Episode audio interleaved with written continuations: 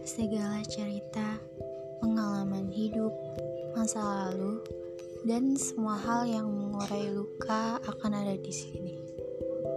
Perkenalkan, saya Kapitan Langsa. Melalui podcast ini, saya berusaha sebisa mungkin untuk membuat semua telinga yang mendengar akan ikut menjejaki setiap kenangan yang telah usai. Atau kita juga bisa membahas sebuah masalah paling serius, yakni perihal jatuh.